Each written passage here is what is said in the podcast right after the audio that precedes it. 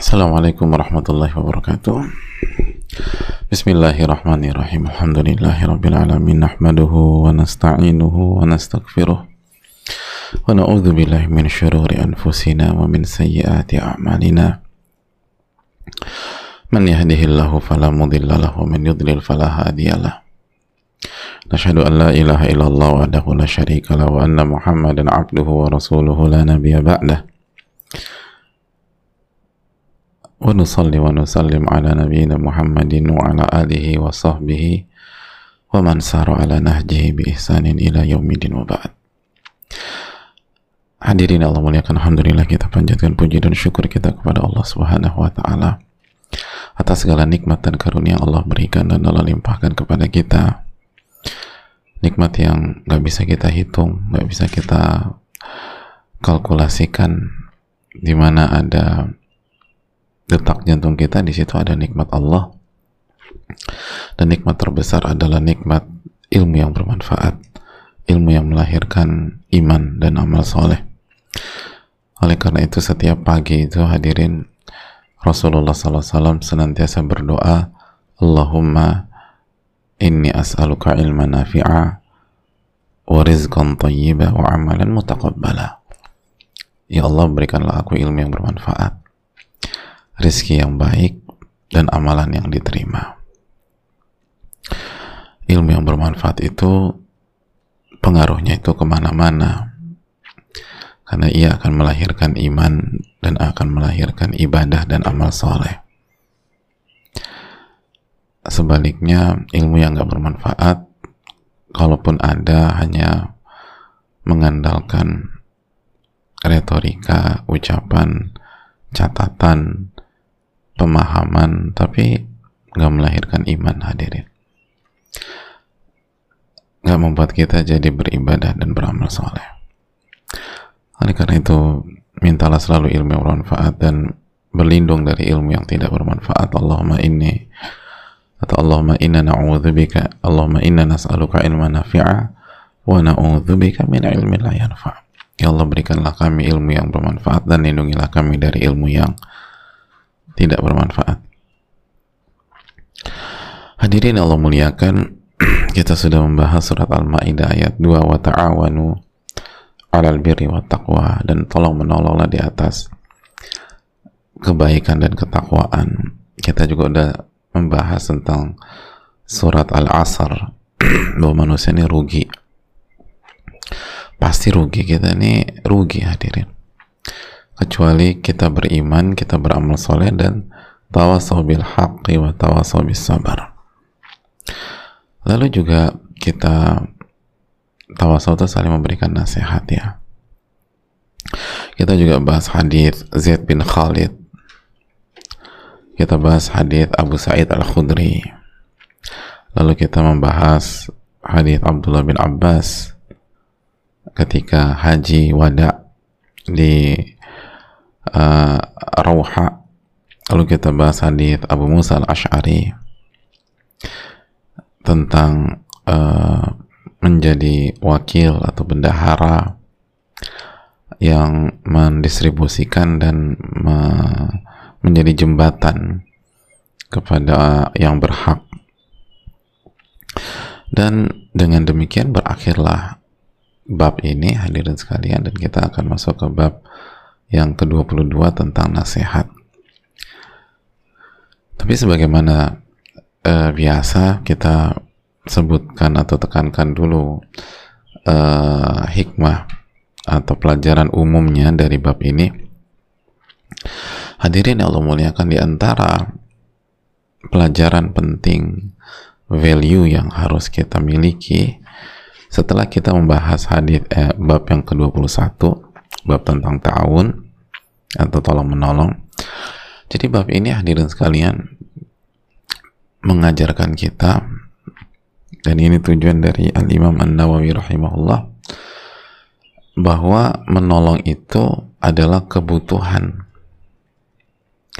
Menolong itu menguntungkan kita.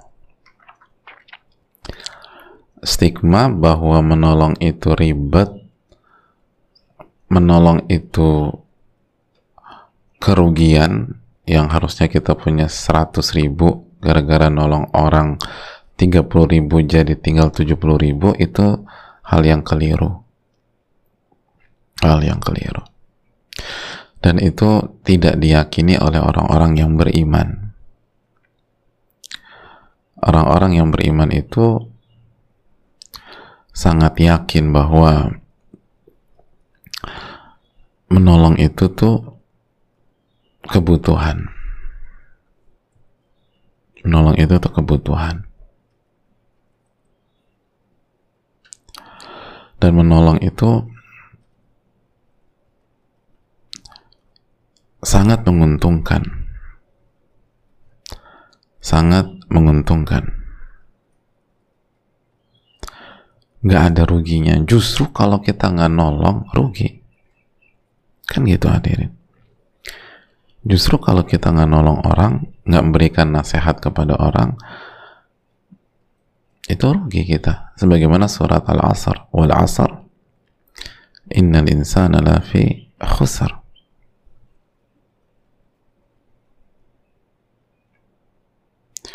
Gitu loh. Sesungguhnya manusia itu dalam kerugian. Pasti rugi kecuali orang beriman, orang yang beramal soleh dan saling menasehati di atas kebenaran dan kesabaran. Dan nasihat itu kan pertolongan hadirin. Nasihat itu pertolongan.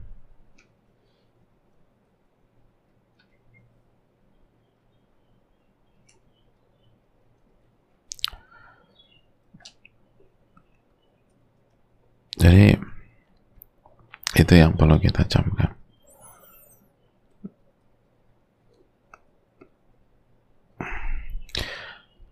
Selalu tanamkan mental ini di dalam diri kita.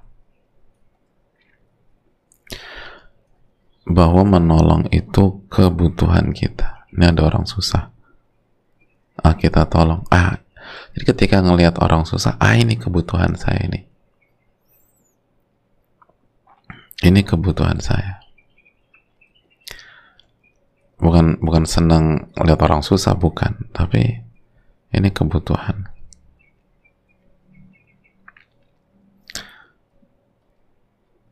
Kayak orang nemu handphone yang speknya dia butuhkan. Handphonenya rusak dia nyari handphone baru. Pas ketemu handphone yang speknya dibutuhkan kan seneng. Ah ini yang gue cari ini ke showroom mobil eh dia ketemu mobil yang speknya dibutuhkan. Ini yang paling cocok nih. Udah ada ini satu nih. Atau buat uh, perusahaannya buat bisnisnya. Oke okay, 10 ya. Buat operasional. Seneng dia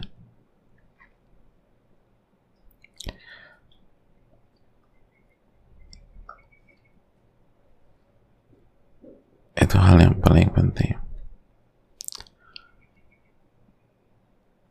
Jadi kebutuhan. Dan nguntungin. Sangat nguntungin. Makanya kan surat al-asr itu sudah clear lah jelas. Lalu hadis Zaid bin Khalid. Lalu hadis Abu Sa'id al-Khudri bayangkan. Ngurusin orang yang ber, beribadah dan ngurusin keluarganya, kita dapat pahala ibadah tersebut. Itu kan keuntungan besar. Keuntungan besar. Kita dapat pahala. Ya, kesannya aja kayaknya kurang bergengsi karena kita nggak ada di garda depan kita justru ngurusin keluarganya. Tapi oh itu pahala besar. Belum lagi hadits Abdullah bin Abbas ketika ditanya alihada haj? Apakah anak kecil ini bisa dan dapat pahala haji? Na'am walaki, walaki ajar dan kau juga dapat pahalanya. Terus membantu menyalurkan itu dapat pahalanya juga. Ahadul mutasaddiqain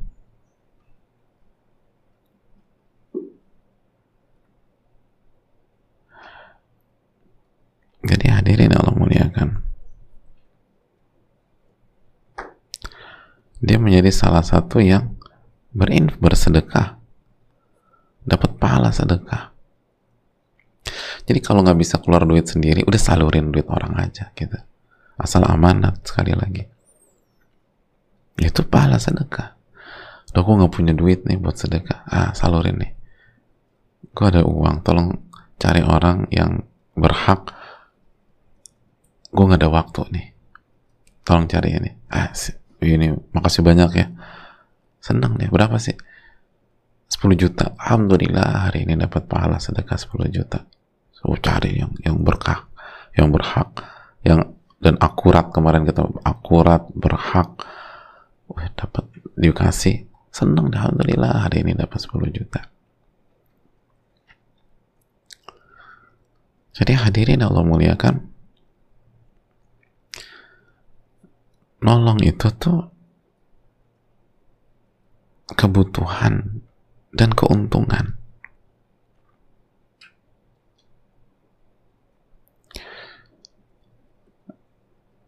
Itu hadirin.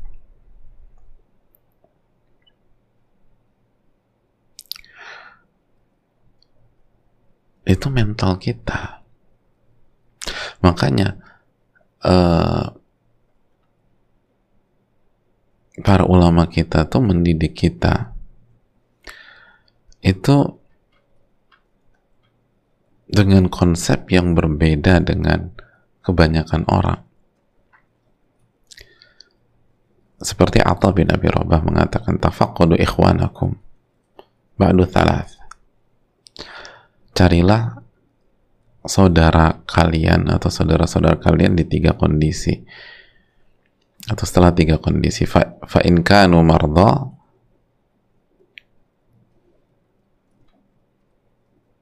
fa'uduhum. Kalau mereka sedang sakit maka jenguklah.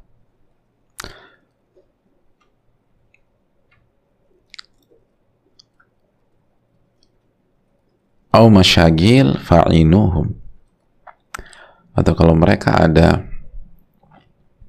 ada kebutuhan, ada urusan, ada masalah, ada kerjaan yang ribet, maka tolonglah mereka.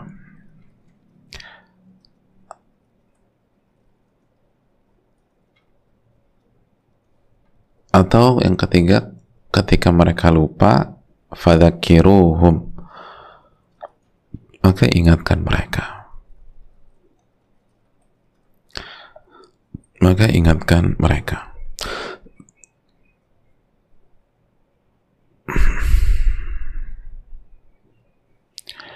Jadi hadirin Allah muliakan.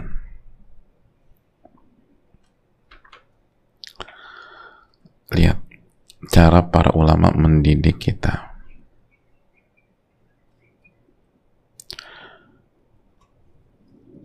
Jadi carilah saudaramu, sahabatmu,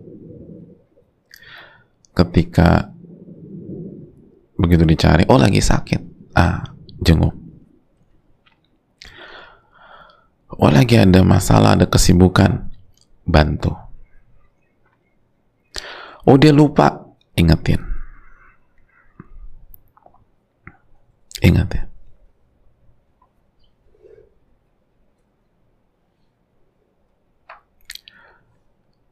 hadirin Allah muliakan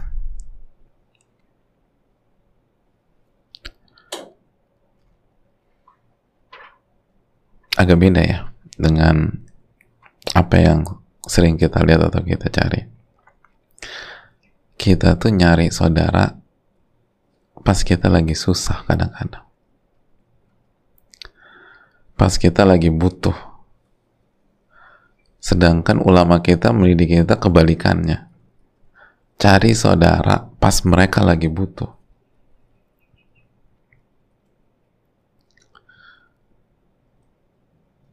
Terasa nggak perbedaannya? Kan gitu ya. Kita tuh sering kali hubungi orang pas butuh doang. Pas butuh. Makanya kita sering banget ketika handphone berdering misalnya terus ada apa nih? Gitu. Kadang-kadang kita responnya langsung mau minta apa lagi nih orang? Gitu loh. Ada nggak sih kayak gitu gitu karena udah kebiasaan dia hanya nelfon kita pas lagi butuh. Kalau nggak butuh nggak minta. Datang nih dikasih tahu ada mas-mas ada fulan di rumah eh di luar. Ada masalah apa lagi sih dia? Langsung gitu tuh kita coba ada masalah apa lagi sih dia? Karena dia nggak akan datang kecuali lagi ada masalah. Kalau nggak ada masalah nggak datang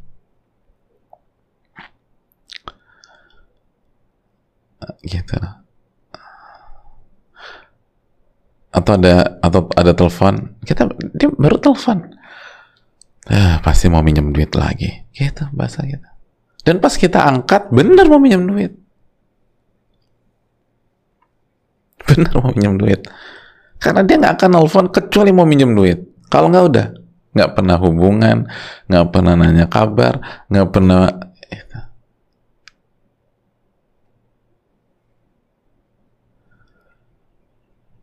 Hubungi dia menghubungi kita atau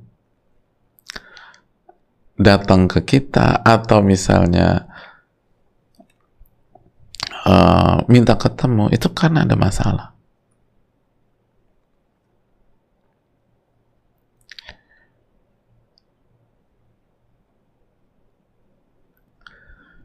Gitu hadirin.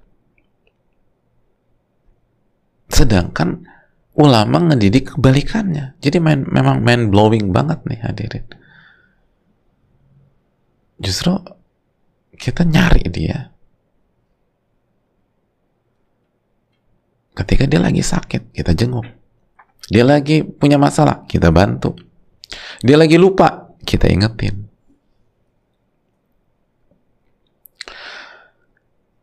Kontras ya bedanya ya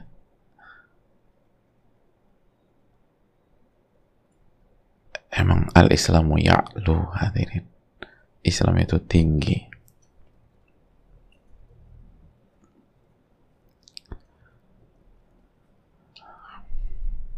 Islam itu tinggi. Sangat tinggi. Nilai-nilai yang ditanamkan itu nilai-nilai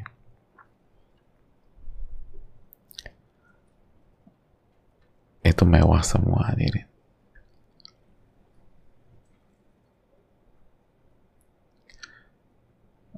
bahasa sebagian orang itu daging semua.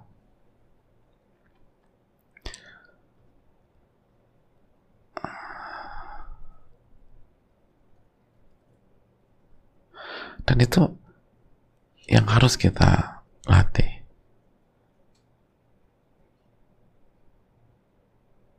Karena yang terjadi di banyak lingkungan tuh kebalikannya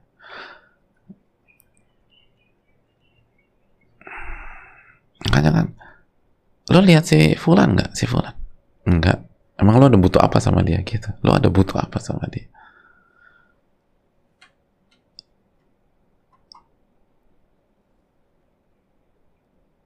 Langsung ditembak demikian karena kebiasaan begitu.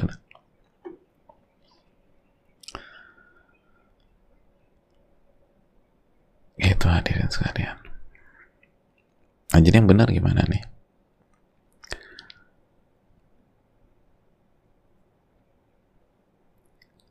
yang benar kita bermain di kotak masing-masing.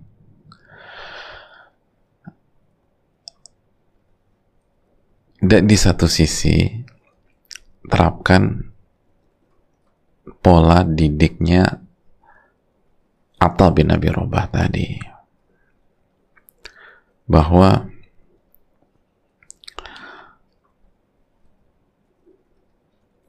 kita tuh nyari nyari saudara kita, teman kita untuk jenguk dia ketika lagi susah. Eh, jenguk dia ketika lagi sakit. Nolong dia ketika lagi susah dan ingatkan dia pada saat dia lupa.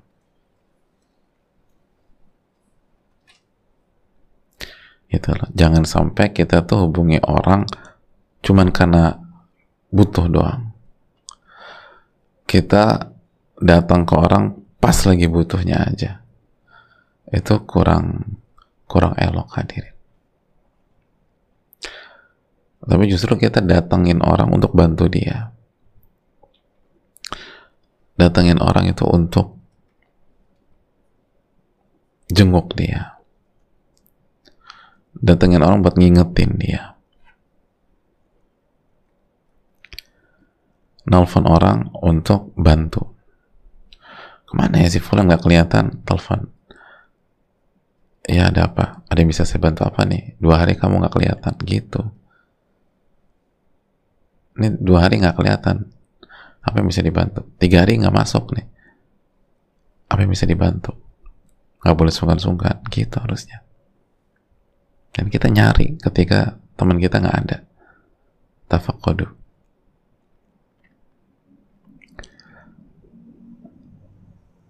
gitu. Jangan nih orang udah ngilang satu bulan santai aja. Kenapa? Karena kita lagi nggak butuh sama dia. Jadi dia ngilang satu bulan udah. Nggak dia nggak adanya dia kayak dia ada udah. Nggak ada bedanya. Nggak ditanya nggak di ini nggak dicari. Kenapa? Lagi nggak butuh sama dia. Tapi pas butuh sama dia setengah hari nggak ketemu. Oh diubah-ubah tuh. Karena lagi butuh. Udah cari so kalau bahasa kita ujung dunia kita cari dia. Ke mana sih ini orang? Susah banget ngubungin lo gitu loh. Padahal juga baru sekali WA Padahal baru sekali telepon, itu pun miss call. Begitu masuk satu dimatiin sama dia. Jadi, susah banget sih hubungin lo. Lo baru sekali nelfon itu juga miss call doang. Karena lagi butuh. Tapi kalau nggak butuh, ini orang lenyap dari permukaan bumi selama satu bulan. Biasa aja. Nah jangan begitu hadirin. Kita nih, kita semua.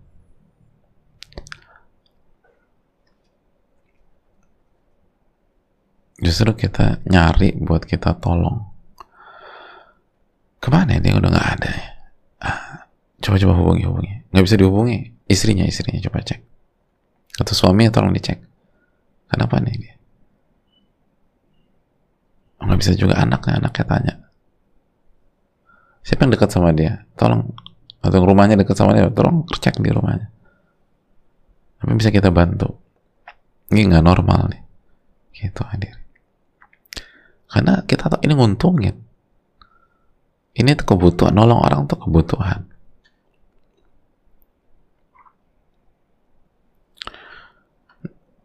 Dan itu dicari gitu loh. Ini orang butuh apa sih? Ini sikapnya ini beda dua dalam dua hari ini. Kayaknya dia lagi butuh sesuatu. Ketika ditanya, tanya ta'afuf enggak, enggak ada apa-apa. Udah, jangan berhenti sampai di situ, cek lagi apa yang dia butuhkan? Oh ternyata anaknya sakit. Butuh biaya rumah sakit. Atau harus operasi. Tapi dia nggak mau cerita cerita nah udah kita kumpulin. Kita transfer. Gitu hadirin.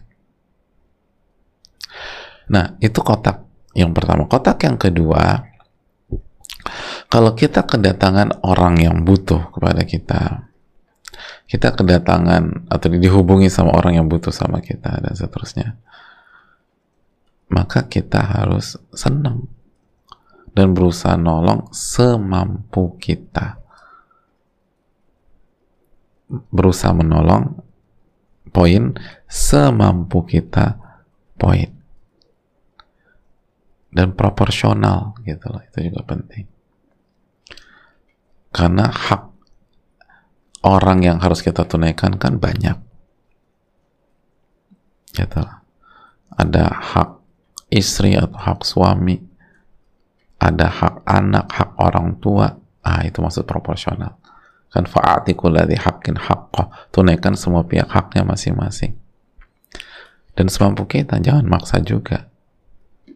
yang bisa kita bantu baik kita bantu langsung atau kita menjembatani nah itu menjembatani. Duh, aku nggak bisa bantu nih kayak gini eh tapi aku punya teman. Coba ya aku bilang ya gitu.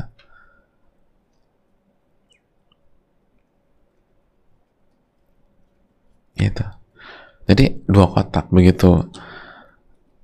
Jadi jangan juga eh, ini pasti mau minjem duit lagi nih. Walaupun benar dia mau minjem duit tapi jangan digituin lah. Baik di depan maupun di belakang dia ya walaupun dalam hati ini kayaknya mau minjem duit. Eh coba diangkat gitu. Asal benar emang dia butuh bukan jadi kebiasaan jadi habit ngandelin orang. Kita dijadikan mesin ATM-nya dan itu nggak mendidik. Kalau emang nggak mampu dan itu mendidik bisa dipertimbangkan tapi kalau nggak mendidik akhirnya dia nggak mau kerja dan seterusnya akhirnya ngerusak kita.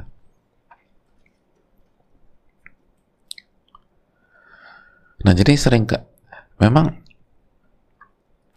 uh, apa bermain peran ini nih kita nih harus uh, berlatih jadi ada ada kotaknya kita apa kita nyari tapi di kotak lain, di peran yang lain ketika kita didatangi, jangan kita suudon sama dia.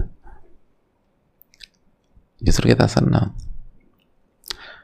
Jangan kita bilang, itu tadi ada orang, apa nih, orang nelfon lagi, eh, pas paling minjem duit lagi. Atau pas dia datang kita sindir, kalau butuh aja datang. Gitu. Kalau lagi sukses lupa sama teman lama, eh jangan digituin lah orang. jadi di sini ya, ya maaf lah bro gitu segala macam kalau lagi susah aja ke sini gitu kalau lagi enak lupa alamat. Jadi jangan kita ucapkan hal-hal demikian.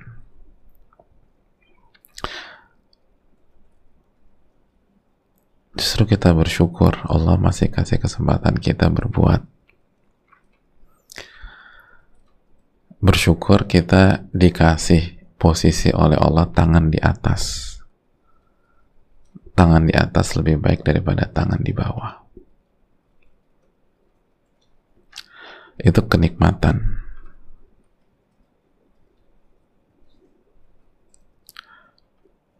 Itu kenikmatan. Ketika kita bisa diberi taufik oleh Allah Subhanahu wa taala untuk berperan sebagai tangan di atas. Karena Nabi SAW bersabda, Al-yadul ulya khairun minal yadi sufla. Hadis Bukhari Muslim. Tangan di atas itu lebih baik daripada tangan di bawah. Artinya yang memberi itu lebih baik daripada yang menerima.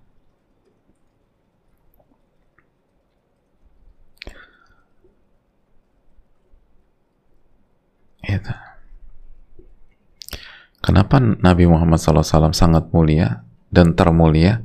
Karena hidupnya itu memberi dan yang diberi itu yang paling tinggi ilmu, hidayah. Mana ada yang lebih tinggi dari itu? kebaikan paling, paling tinggi kenapa ulama derajatnya di bawah Nabi dan Rasul bahkan lebih tinggi daripada orang-orang kaya karena ulama hidupnya ngasih ilmu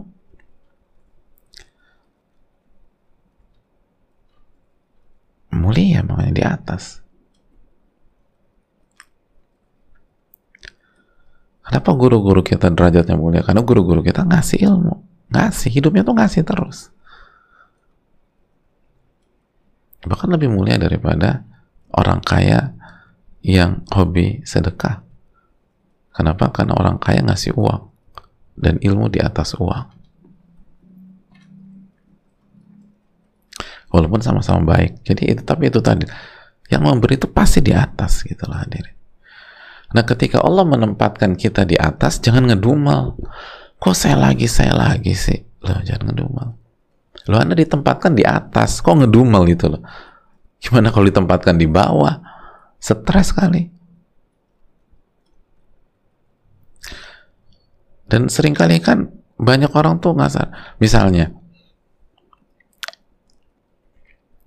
ada orang ada orang ya uh, misalnya lima atau enam bersaudara tapi ibunya atau ayahnya ada apa-apa manggil dia. Nggak manggil kakak-kakaknya atau nggak manggil adiknya dia udah niandelin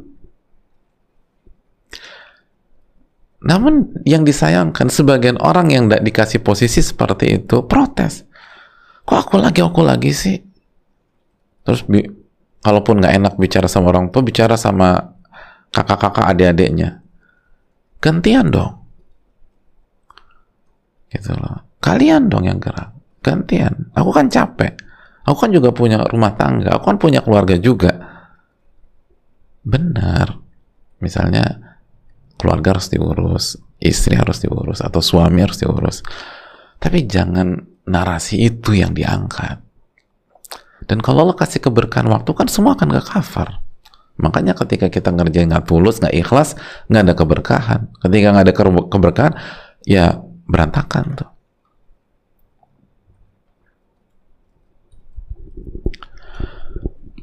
Nah itu sering terjadi. Gantian dong gitu loh. Hubungi grup grup apa? Grup anak-anak. Ini mama mau nginep di rumahku lagi. Emang nggak ada yang bisa nggak ada yang bisa jemput mama ke rumahnya apa ya masa di rumahku terus lo anak itu ditaruh di paling atas di kesempatan memberi ke orang tua harusnya bersyukur harusnya uh, dihubungi orang tua atau dikabari mama pengen di apa pengen dianterin kamu tuh ke rumah sakit. Alhamdulillah alhamdulillah. Yang diinginkan orang tua uh, orang tua saya tuh saya bukan yang lain. Senang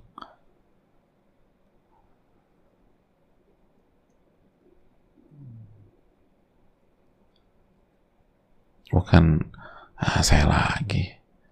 Aduh harus bagi waktu lagi jangan senang ini menolong itu kebutuhan apalagi menolong orang tua Menolong itu keuntungan apalagi nolongin orang tua.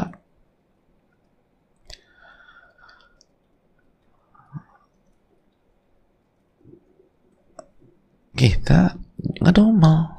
Kok gue lagi sih? Alhamdulillah berarti orang tua kita percaya sama kita. Orang yang nyaman sama kita.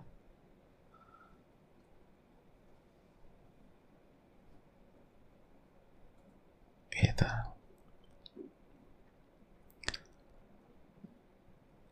atau misal pas orang tua mohon maaf udah sepuh atau lagi sakit ini ganti pampers. Gitu orang tua BAB gitu misalnya. Terus ganti pampers. Karena mungkin aromanya tidak sedap dia berat. Justru kalau kita yang diminta itu kehormatan dan itu kepercayaan. Insya Allah itu jalan menuju surga. Karena orang tua kita mempercayakan aktivitas yang sangat sensitif. Sangat sensitif. Ganti pampers ganti itu kan sensitif. Berhubungan dengan auratnya itu nggak mungkin orang kasih kecuali kepada sosok yang sangat dia percaya dan dia sangat nyaman dengan orang tersebut. Dan kalau orang tua udah nyaman ridho Allah fi ridho walid kata Nabi SAW ridho Allah itu dalam ridhonya orang tua. Eh kita dengan pendeknya pemikiran kerdilnya jiwa protes. Ada yang pura-pura pergi gitu loh. Lo udah tahu kan kayaknya orang tua tuh harus ganti pampers jam sekian karena mungkin pupnya setiap saat jam eh, setiap hari jam dia pergi nih gitu. kalau di rumah ada orang atau kalau yang ada peka juga. Atau kalau yang ada membuat orang tua nyaman ini bisa jadi ditungguin tuh orang tua nggak mau. Sampai dia pulang. Bisa jadi tujuh jam itu nggak diganti pampersnya. Kotorannya ada di situ. Jadi oh itu dosa tuh hadirin. Ini menunjukkan nggak sadar bahwa menolong itu kebutuhan menolong itu keuntungan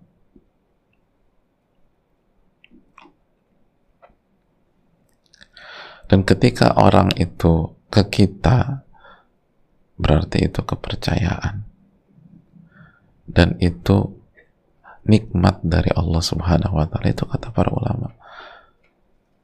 Bersyukurlah ketika ada orang butuh dengan bantuan kita. Karena itu kenikmatan. Itu anugerah. Karena Allah memposisikan kita di atas. Di atas. Itu bukan di bawah. Dan ketika Allah posisikan kita di atas, maka itu kenikmatan.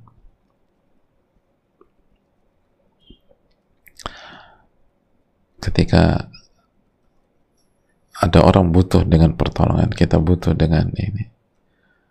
Maka itu Allah ingin kebaikan buat kita. Yadul ulia khairun minal yadi sufla. Itu adalah mental yang harus dibangun dari kecil. Dari kecil. Dari kecil.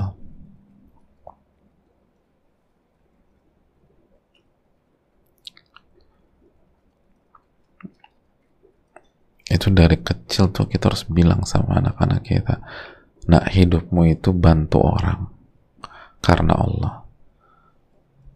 Hidupmu itu bantu yang butuh. Hidupmu itu adalah menolong. Ya. dan cari wajah Allah. Menolong itu keberkahan menolong itu keuntungan. Itu dari kecil harus ditanamkan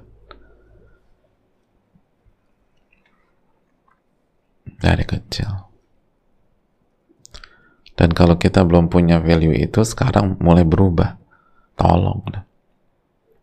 Bantu. Allah kasih keberkahan, keuntungan. Allah kasih fadilah.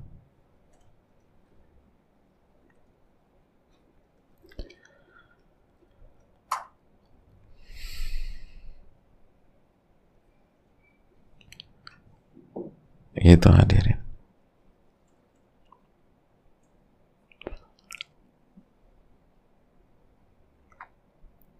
jadi kuat gitu loh.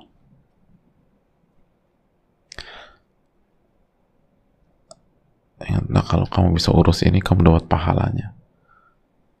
Kalau kamu bisa bantu dia ini kamu dapat pahalanya. Oh gitu ada terus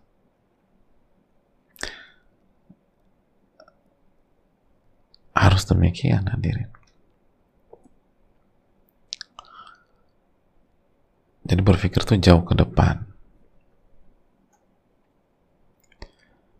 Gitu. Jauh ke depan.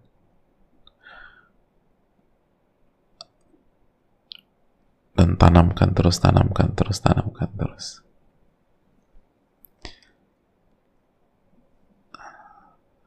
Ada orang yang butuh sama kita, Alhamdulillah. Nikmat dari Allah.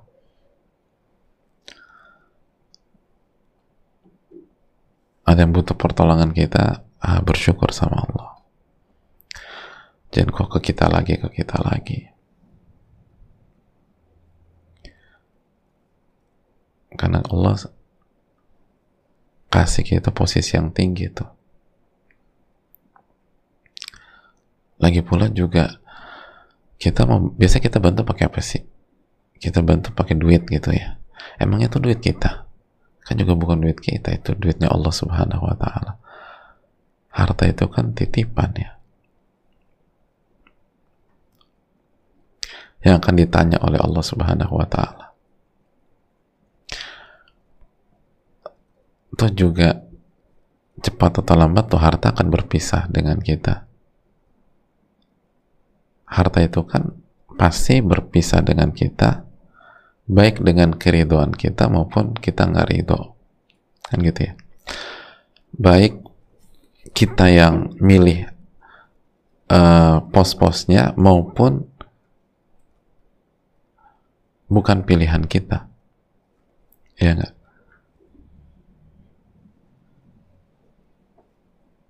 Gitu ada orang punya motor misalnya gini nih. Punya orang punya motor. Eh motornya dicuri. Nah itu kan berpisah. Maling tuh. Dia lagi parkir motornya diambil bawa kabur. Itu kan dia berpisah dengan motornya dan motornya pergi ke pihak yang dia nggak ridhoi dan uh, dia nggak bisa milih juga nggak tahu itu motor dijual ke mana atau dipraterin kan segala macam. Terus ada orang punya motor itu motor dikasih ke saudaranya ada pakai aja nah itu berpisah juga dengan motornya. Sama-sama berpisah tapi dia ridhoi dan dia tentukan arahnya dan arahnya itu kebaikan. Kan enak tuh hadirin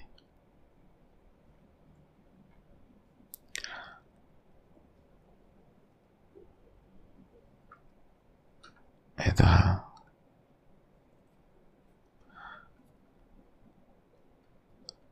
jadi nggak ada ruginya maksudnya. Itu juga bukan pakai duit kita. Kan konsep kita inna lillahi wa inna ilahi rojiun.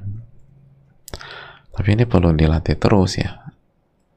Kita semua yang berbicara dan yang mendengarkan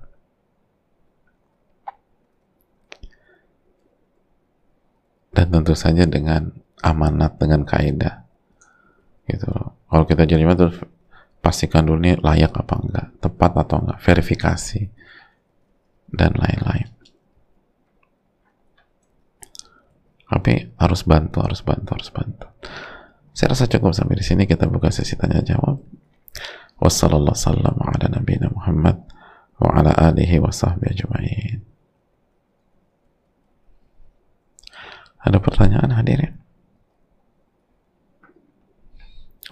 Assalamualaikum warahmatullahi wabarakatuh. Waalaikumsalam warahmatullahi wabarakatuh. Semoga Ustadz dan keluarga Imam Ibnu Qayyim dan keluarga Ibnu Qayyim hadirin. Imam Nawawi rahimahullah. Tapi nggak apa-apa juga doain Imam Ibnu Qayyim. Semua ulama kita kita doakan tim dan seluruh umat Islam di dunia selalu diberkahi dan dirahmati oleh Allah. Amin. Ya alamin. Ingin bertanya Ustaz, saat ini saya mendapatkan rezeki yang bisa digunakan untuk bersedekah. Namun saya bingung prioritasnya apakah lebih baik setiap hari saya selisihkan dengan jumlah kecil ke orang tua saya atau sekali seminggu atau sebulan langsung saya berikan dalam jumlah yang besar Ustaz. Mohon arahannya Ustaz Jazallah khairan. Ya terima kasih. Hukum asalnya pada dasarnya Nabi SAW bersabda, bahwa kan setiap pagi itu ada dua malaikat yang berdoa. Apa doanya? Allahumma a'ti munfiqan khalafa wa a'ti mumsikan talafa. Ya Allah berikanlah orang yang berinfak itu ganti yang lebih baik dan berikanlah kebangkrutan pada orang yang menahan infaknya yang nggak berinfak jadi itu poin-poin yang kedua Nabi SAW bersabda ahabul a'mali ilallah adwa muha wa inqal amalan yang paling Allah cintai yang paling kontinu walaupun sedikit. Maka pada dasarnya setiap hari sedikit itu lebih baik daripada banyak tapi jarang gitu loh. Dan itu kan kaidah di mana pun kan kita belajar nih. Kita belajar. Saha, kita belajar setiap hari setengah jam. Tapi konsisten fokus belajar itu kan setengah hari setengah jam. Selama satu bulan. Atau satu jam deh. Satu jam selama satu bulan setiap hari satu jam setiap hari satu jam satu saja dengan kita belajar sebulan sekali sekali tapi sekali belajar 30 jam non stop nggak tidur begadang minum kopi. Kayak ujian kan? Alamin nggak sih? Kita pernah ujian tuh pernah belajar bisa 30 jam. Satu satu hari plus 6 jam berarti nah saya mau tanya mana yang lebih efektif?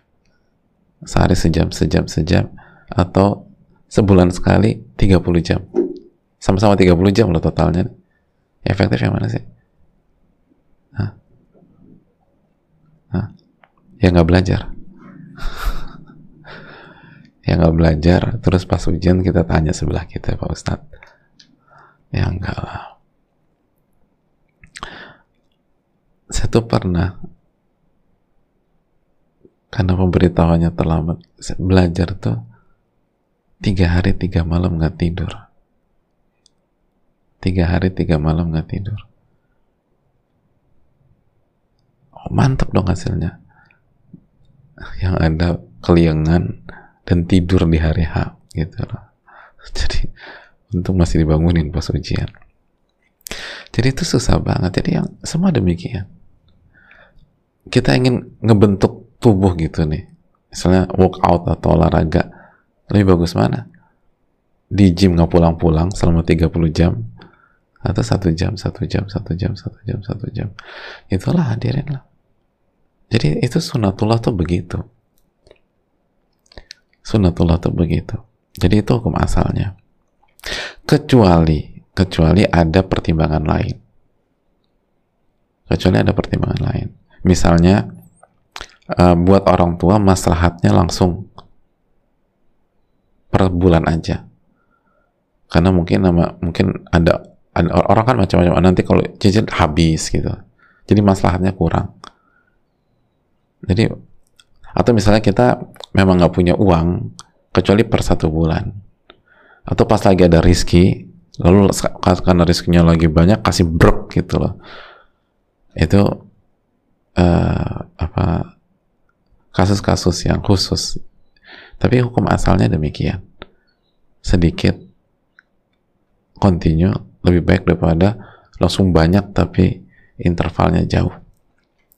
Allah taala bisa kalau konsisten banyak ya lebih bagus lah. Tapi uh, semua orang dikembalikan kepada kondisi masing-masing. Allah taala bisa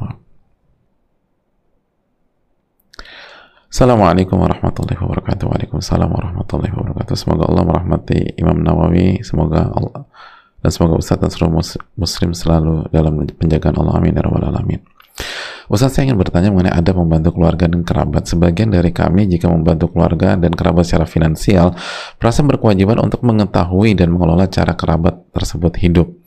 Apakah ini bertolak belakang dengan mindset sedekah sebagai kebutuhan dan keuntungan kita, Ustaz? Mohon penjelasan, pencerahannya.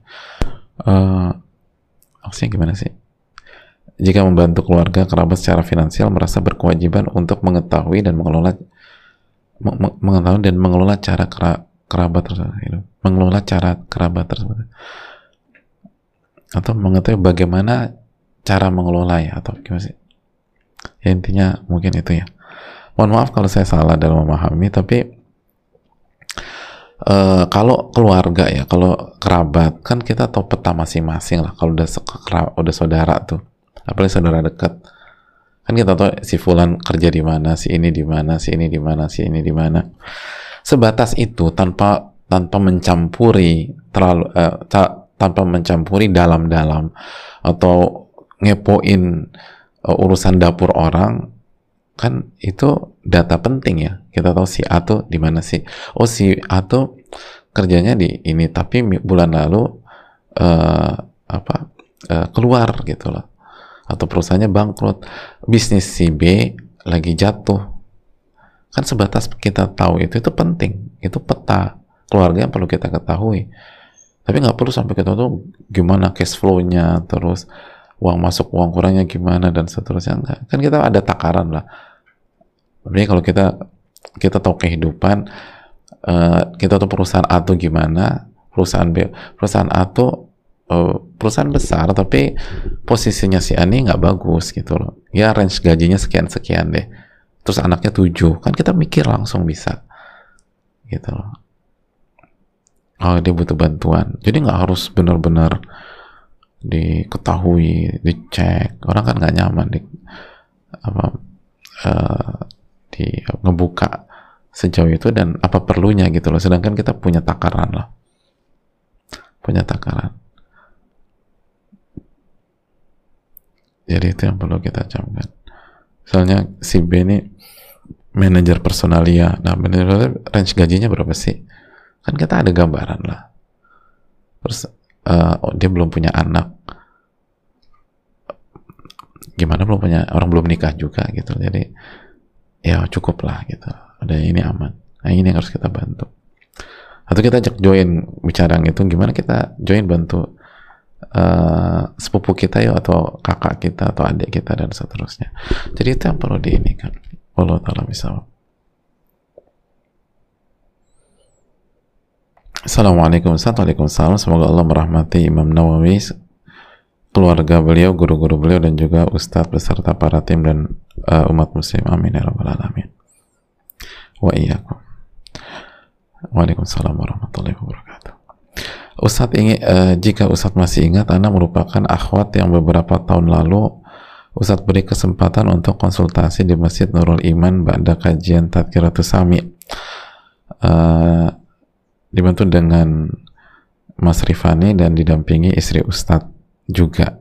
Semoga Allah menjaga beliau. Amin. Konsultasi Anda waktu itu adalah mengenai masalah keluarga Anda, terutama mengenai bapak Anda.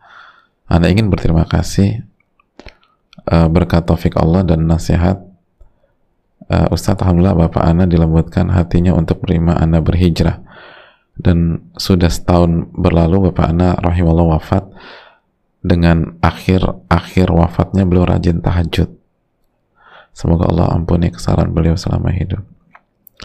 Alhamdulillah latih bi ni'mati tatimmu salihat. Uh, cara cara menyampaikannya gini hadirin. Uh, berkat taufik Allah lalu gitu. Jadi jangan pakai dan tapi pakai lalu. Jadi taufik Allah tetap di atas. Baru usaha manusia setelah itu kalau dan itu di, disejajarkan. Tapi lalu lalu itu di nomor satu kan lalu yang kedua kan gitu ya. Jadi alhamdulillah uh, berkat taufik Allah lalu. Nasihat Ustadz. Itu cara penulisan. Tapi kalau faktanya saya rasa bukan karena poinnya itu bukan bukan karena apa uh, uh, bukan karena dari sisi saya tapi karena taufik Allah. Lalu doa anaknya rasanya lebih tepat. Doa yang bertanya sebagai anak itu kuat sekali. Dan ketawaduan anaknya dalam menerima nasihat itu penting juga ke ayahnya. Jadi saya rasa faktor terbesar itu. Yang pertama taufik dari Allah Subhanahu Wa Taala. Lalu yang kedua doa anaknya bakti anaknya dan uh, semangat anaknya dalam belajar lalu mengamalkan apa yang disampaikan apa yang dinasehati dan apa yang dipelajari. Saya rasa itu yang paling faktor yang paling utama. Dan banyak-banyak bersyukur nih hadirin. Ayahnya di akhir hidupnya itu rajin tahajud. Dan semoga Allah mengampuni segala khilaf beliau dan semoga Allah memberikan husnul khatimah amin ya rabbal alamin masih ada kelanjutannya setelah bapak Ana meninggal Ana baru mengetahui dari teman bapak Ana bahwa beliau pernah menikah dengan perempuan lain dan memiliki anak laki-laki lebih muda dari Ana. Sebelum bapak Ana wafat, temannya bercerita bahwa bapak Ana sudah berusaha mencari anak laki-lakinya untuk dibawa tinggal dan diperkenalkan, diperkenalkan kepada kami. Namun kalau bapak Ana wafat sebelum menemukannya. Ana ingin bertanya apa yang harus Ana lakukan Ustadz. Di satu sisi saudara Ana yang lain tidak ingin memikirkan hal ini mereka berkata jangan sampai informasi ini sampai ke ibu Ana. Itu akan menyakitkan beliau. Ana pribadi ingin melanjutkan pencarian adik Ana namun terkendala informasi mengenainya jazakallah khairan Ustaz terima kasih atas pertanyaannya yang pertama uh, mengetahui keberadaan an, an, apa adik seayah ini itu penting hadirin. Mengetahui keberadaan adik saya ini penting. Karena ini menyangkut beberapa hal. Yang pertama menyangkut hukum waris. Menyangkut hukum waris. Terus yang kedua silaturahim. Silaturahim. Terus yang ketiga uh, hubungan kemahroman ke depan dan pernikahan. Kita tahu kan kita sering bilang bahwa dunia ini tuh dunia itu kecil. Nanti ketemunya itu, itu apa sering banget ya kita dalam kehidupan tuh ya dia dia lagi gitu loh. Ngerasain gitu nggak sih? Nanti iya ya. Oh, ini oh temen lo nih. Oke ternyata gitu kan. The small world gitu. Nah itu kan bisa kejadian. Dan ini satu darah loh hadirin sekalian jadi ada silaturahim dan seterusnya. Jadi uh, sekali lagi uh, perlu tapi mungkin butuh waktu buat ibu kita. Jadi coba uh, kita usaha dulu. Dan semampu kita aja. Kalau kita udah berusaha semampu kita lalu tidak di tidak Allah pertemukan ya sudah. La yukalifullahu nafsan illa usaha Allah tidak membebankan seseorang kecuali sesuai dengan kemampuannya. Dan belum tentu loh hadirin sekalian yang kita berpikir akan menyakitkan orang tua kita ternyata menyakitkan mereka belum tentu. Sebagaimana belum tentu juga yang kita pikir menyakitkan hati anak kita ternyata menyakitkan belum tentu juga. Ada banyak kasus demikian. Contoh kasus kebalik ya. Misalnya orang tua yang uh, mengasuh anak sese atau pasangan couple nih suami istri ngasuh anak gitu loh. mungkin diambil anak eh, terus itu kan kan mengasuh anak mengasuh, seorang anak kan boleh ya. Tapi nggak boleh uh, dinasabkan ke selain orang tuanya. Jadi harus clear gitu loh. Jadi diasuh tapi clear ayah dan ibumu atau nasabmu ke sini nak gitu loh. Gitu. Alhamdulillah Allah takdirkan kita hidup bersama dan kami mengasuh kamu nah uh, ada banyak pihak itu nggak mau kasih tahu fakta sebenarnya nasab anak tersebut karena takut apa? Takutnya anak kecewa, down, terpuruk, marah, kabur, dan seterusnya. Benar nggak sih? Tapi kenyataannya banyak yang nggak begitu loh. Dan sering kali itu permainan syaitan agar ini tidak terungkap. Karena kan apa namanya menasabkan kepada selain orang tua dan keluarganya kan dosa besar dan syaitan tahu itu dosa besar. Makanya syaitan akan buat gimana kita tuh kebanyakan mikir untuk ngamalin ini dan akhirnya nggak kejadian dan itu dosa besar. Sampai-sampai karena memang falita bawa maka ada minan nar. Silakan booking tempat di neraka. Jadi pesan sebuah tempat di neraka. Itu kan fatal sekali dan ini salah satu kebohongan dalam sebuah hadis. Jadi ada yang ada banyak hal yang kita khawatirkan ternyata enggak. Yang perlu kita camkan gini loh hadirin. Perintah Allah kalau dijalankan itu keberkahan. Larangan Allah kalau dijauhi itu keberkahan. Itu itu itu kebenaran mutlak gitu loh. Adapun kalau ada yang membisikkan hal lain itu masih tentatif. Belum tentu benar belum tentu enggak. Kalaupun benar maslahat keberkahan menjalankan lebih besar daripada hal tersebut. Jadi belum tentu juga ibu kita sakit hati. Bisa jadi ibu kita memaafkan. Atau bisa jadi ibu kita udah tahu tapi kita nggak tahu aja. Atau misalnya ada ibu kita merasa aku banyak salah sama ayah kalian. Ya wajar sih.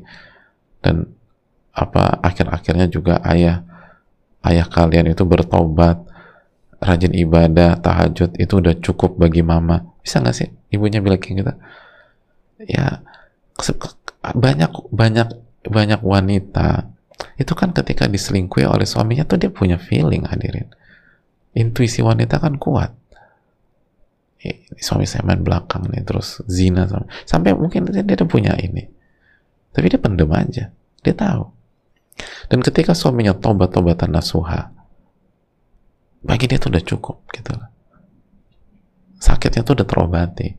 Ada banyak wanita-wanita yang hatinya bersih itu.